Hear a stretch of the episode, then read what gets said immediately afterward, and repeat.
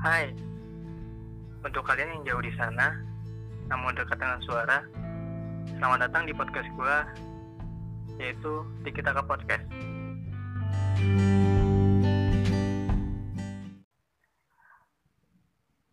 Di sini gua nggak sendiri lagi, di sini gua sama teman gua lagi, yaitu bisa dikenalin. Nama lu siapa? Halo, gue Rofi. Nama panjang gue Rofi Hadi Nugraha. Oke. Eh, yang belum tahu Rofi ini siapa? Rofi ini teman gua, teman SMA yang sekarang lu lagi nyusun skripsi ya, bener ya? Iya. Eh, jadi dia mahasiswa tingkat akhir juga nih. Gue pengen tahu keluh kesah mahasiswa tingkat akhir gimana di zaman sekarang yang nggak cuma ngedampak bagi orang-orang di luar sana yang bekerja, tetapi mahasiswa juga kena dampaknya nih. Eh, sekarang masa karantina berapa hari sih? Kalau gua tahu? Hmm, Maksudnya ke depannya, maksudnya ke depannya nih. Iya, ke depannya. Gue tahu deh katanya sampai Juli ya. sampai Juli. Kata pemerintah tanggal 29 Mei lockdown bebas ya? Hmm, Kayaknya sih gitu, tapi ada yang bilang Juli baru bisa dapat bah- bahkan ada yang bilang akhir tahun pun mungkin belum bisa dapat mah. Nggak tahu. Sulit, sulit. Eh, kalau misalnya kalian pengen tahu Rofi ini kayak gimana, gua mohon dengerin sampai habis. Kalau misalnya ada manfaatnya, lu ambil. Kalau misalnya kagak ada, ya udah lu buang aja. Ah, jadi Rofi ini mahasiswa Trisakti ya, bener ya bro ya? Institut Transportasi dan Logistik Trisakti. Transportasi dan logistik. Iya. Eh, kalau misalnya boleh gua tahu itu nanti kayak ke depannya kayak gimana itu? Eh, apanya nih? Kayak Ke depannya. jurusan lu Ya jurusan gue lu eh, luas ya, cakupannya luas. hmm, Pertama gue ngambil manajemen logistik yang notabene zaman sekarang usaha apa sih yang nggak ada logistik? Nah, ngomong-ngomong usaha nih, banyak orang atau enggak pengusaha yang kena dampak dari COVID ini. Dan lu ini udah jadi dua bagian loh. Kalau misalnya gua bilang ya, mahasiswa iya. Nanti kalau misalnya ujung-ujungnya lu lulus bakal jadi pengusaha juga iya. Bener. Bener ya? Insya Allah. Insya Allah, amin. Amin. Kalau misalnya pendapat lu kayak gimana sih? Kalau misalnya pengusaha sekarang itu?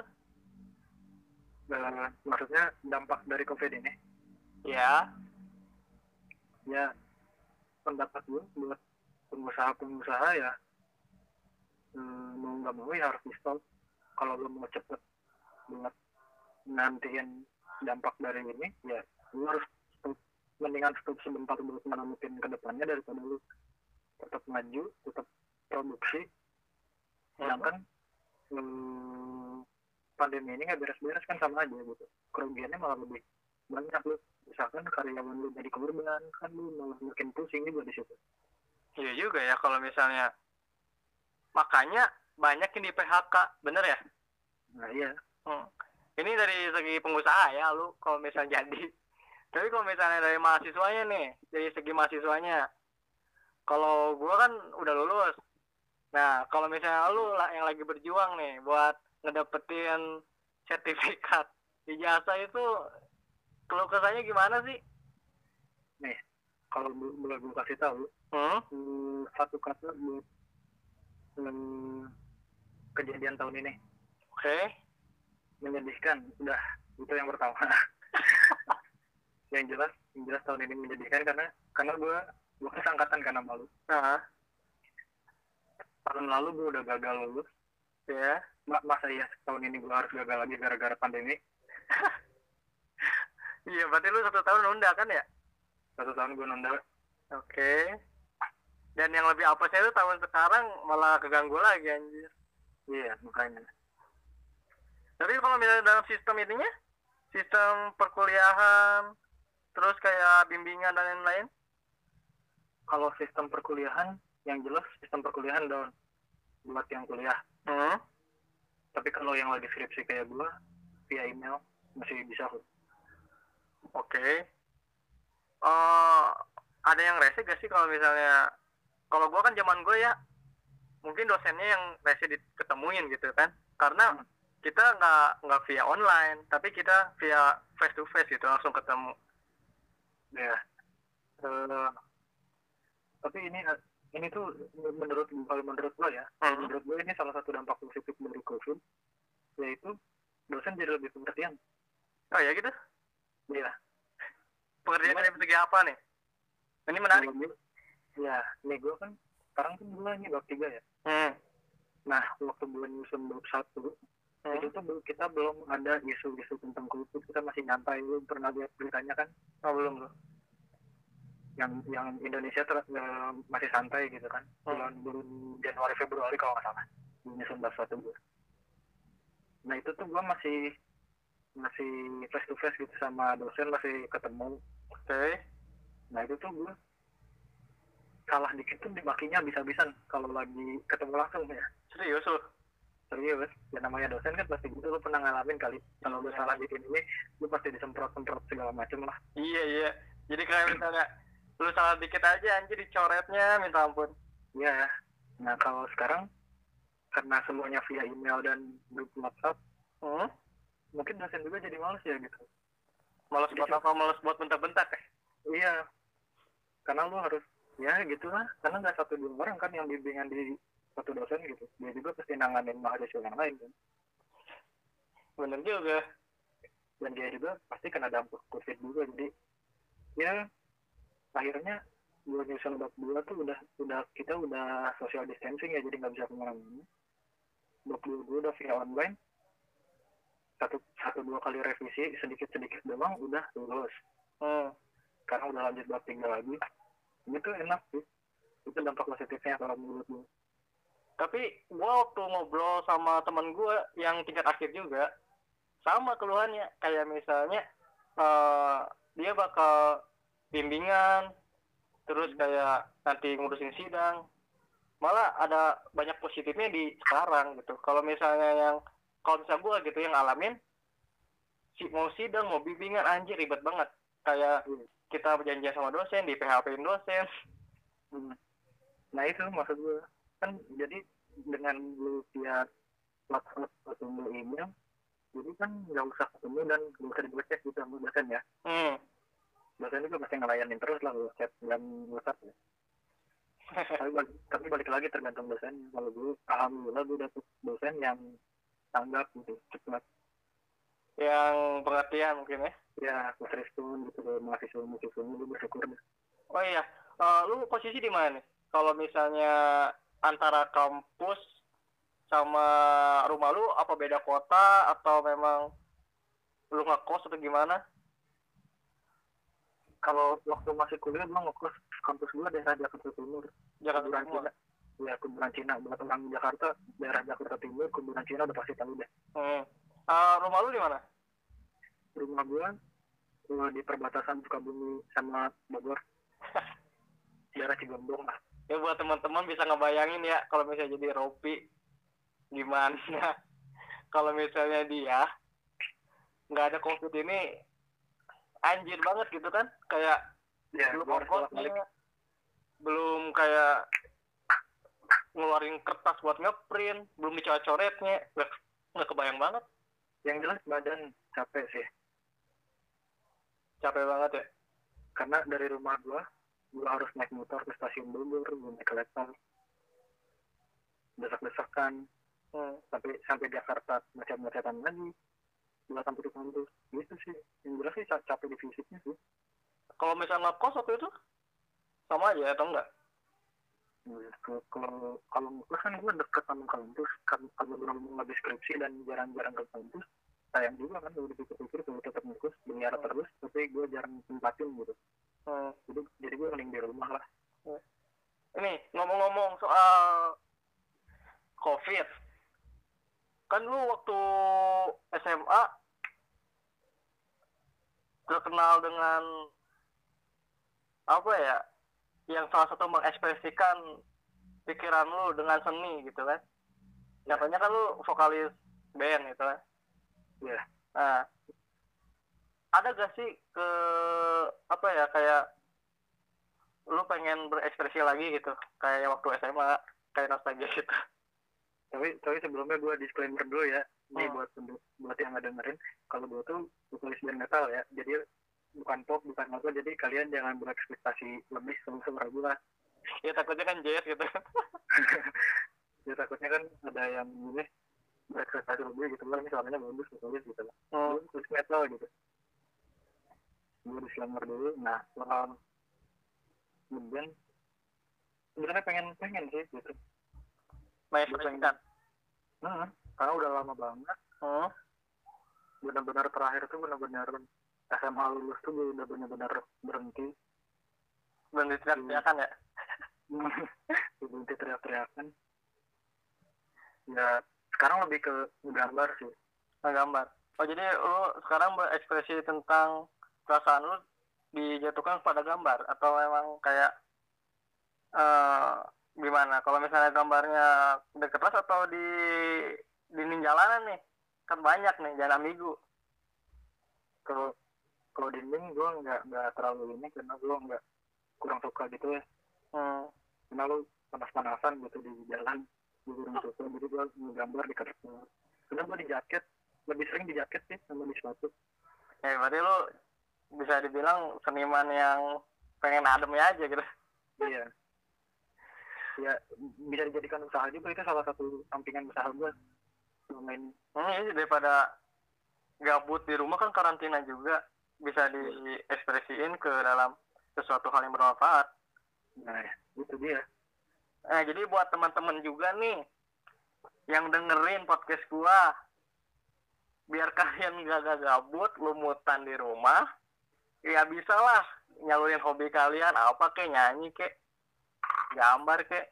Ini contohnya nih kayak teman gua ini, eh dia nyalurinnya kena gambar, terus eh mengekspresikannya dengan sesuatu yang ngebuat dia senang. Jadi di rumah itu kagak boring gitu.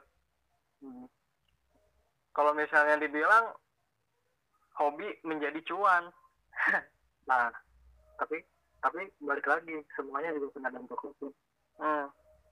biasanya ada yang pesen custom jaket sepatu Hmm. sekarang sekarang nggak ada jadi gue jadi gue ngegambar sepatu gue sendiri jaket gue sendiri ya gitu gitu aja Oh ngefek ya ke situ ya?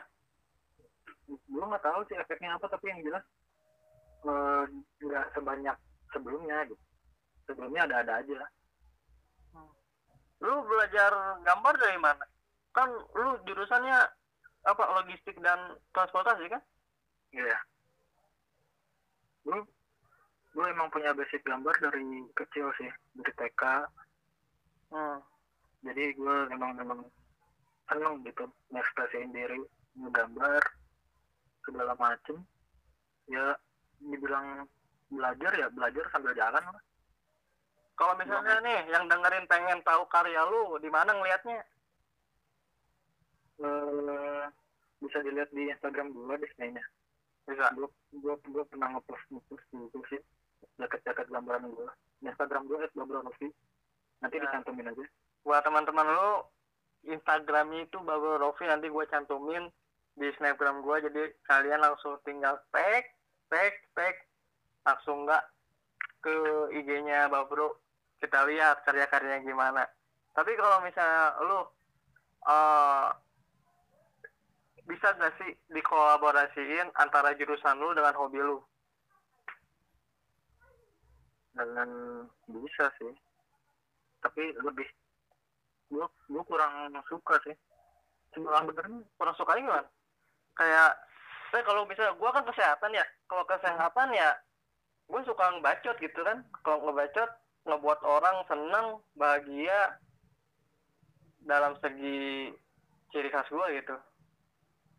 Kalau lu? karena jujur gue kurang suka sama, sama jurusan gue kuliah juga ya anjir kenapa lu masuk jurusan itu ya kita orang Indonesia orang Indonesia seluruh itu tahu kalau jurusan kuliah dokter temen tuh yang pertama orang tua dulu.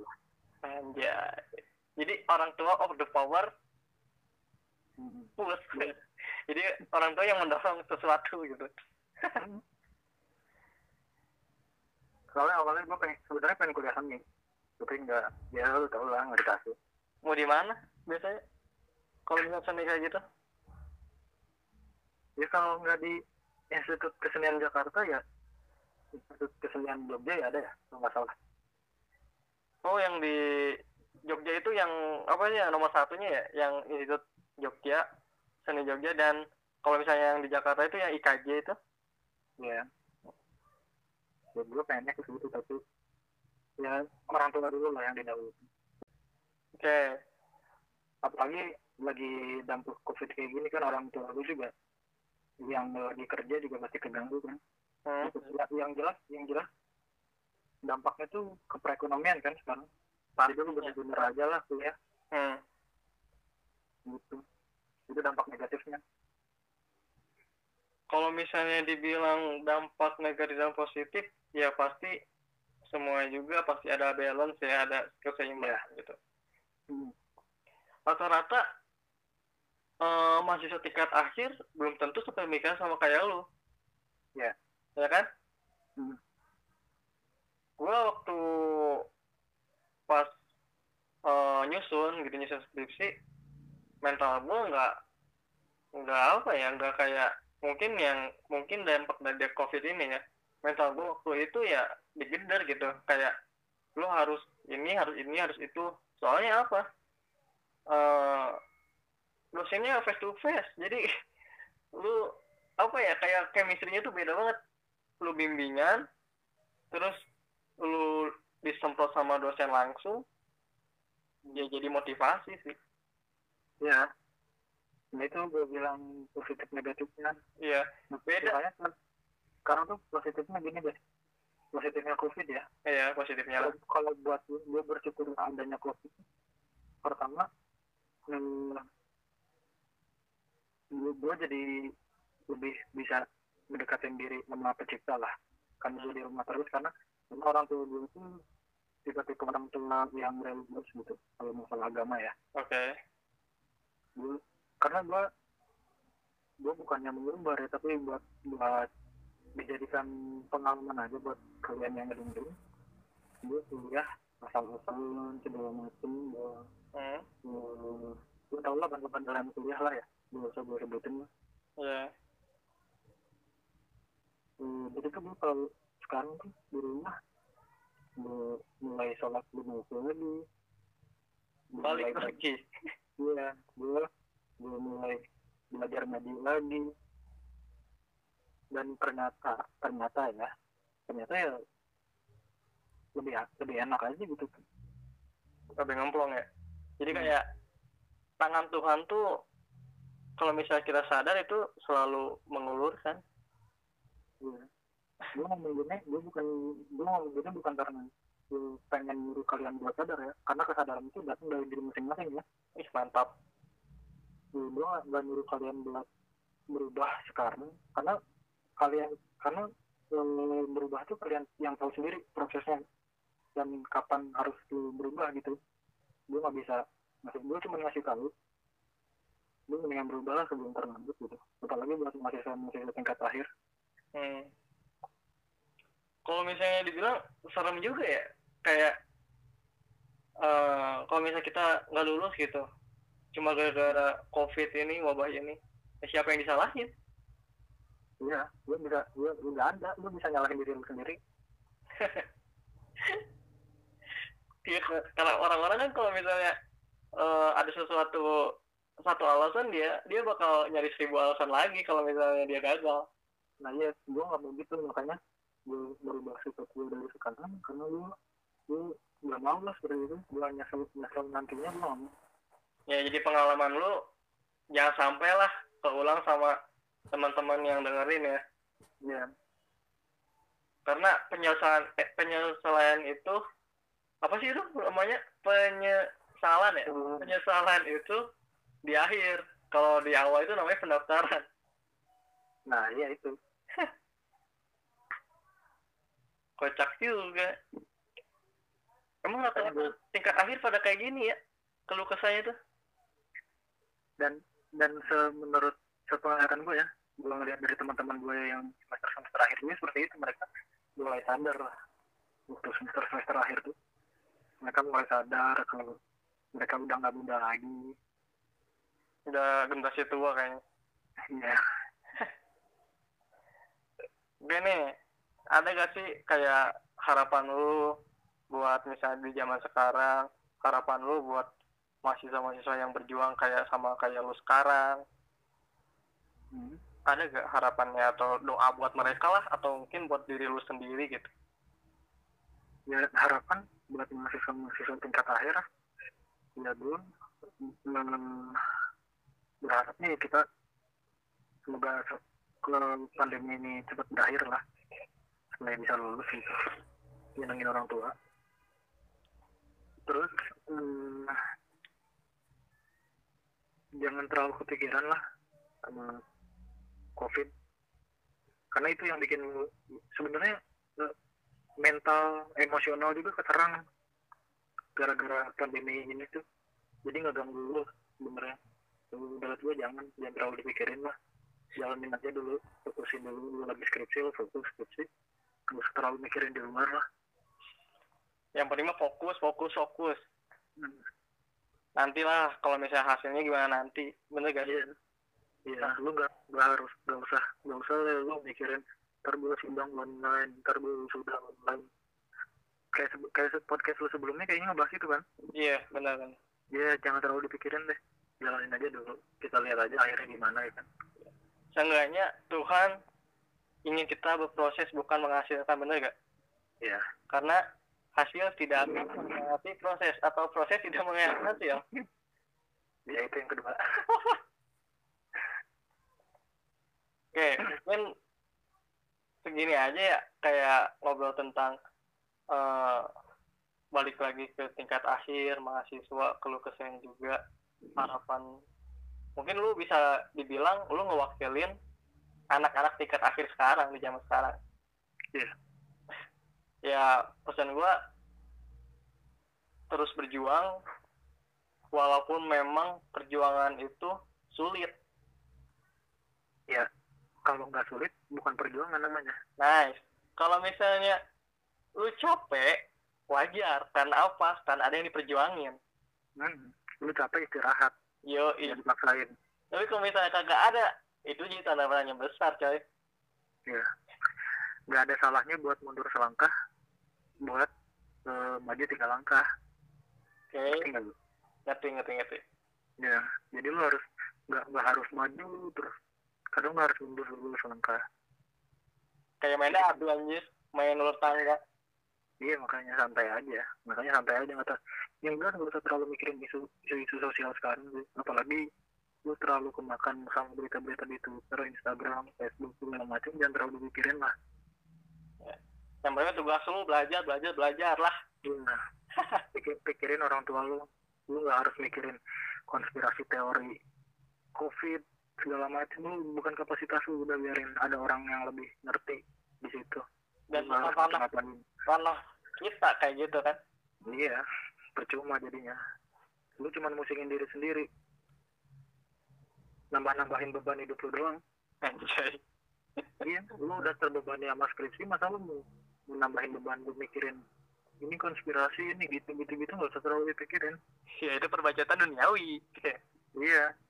Inti- Intinya lu ibadah, ibadah, ibadah. Kalaupun lu mati, lu mati dalam keadaan ibadah gitu aja lah. Oke. Parah sih ini. Untuk kalian yang dengerin ini semoga banyak manfaatnya, ambil ilmunya, pengalaman temen gua ini bisa dijadiin pelajaran buat kalian ke depannya biar ada pencerahan, ada langkah dan memotivasi diri kalian buat sukses. Sedap. Amin. Mungkin dari gua cukup kayak gini aja sih. Kalau lu ada gak? Ya gua, ya buat buat yang ngedengerin, pesan gue semangat aja lah. Semangat ngejalanin hidup lu di tengah-tengah menurut kesulitan situasi sekarang lah gitu aja lah Oke bro, jadi intinya intinya santuy santuy, silau. hmm. Cukup sekian dari podcast gua. Semoga kita selalu ada dilindungi oleh Allah Subhanahu wa taala dan selalu dikasih semangat. Bye.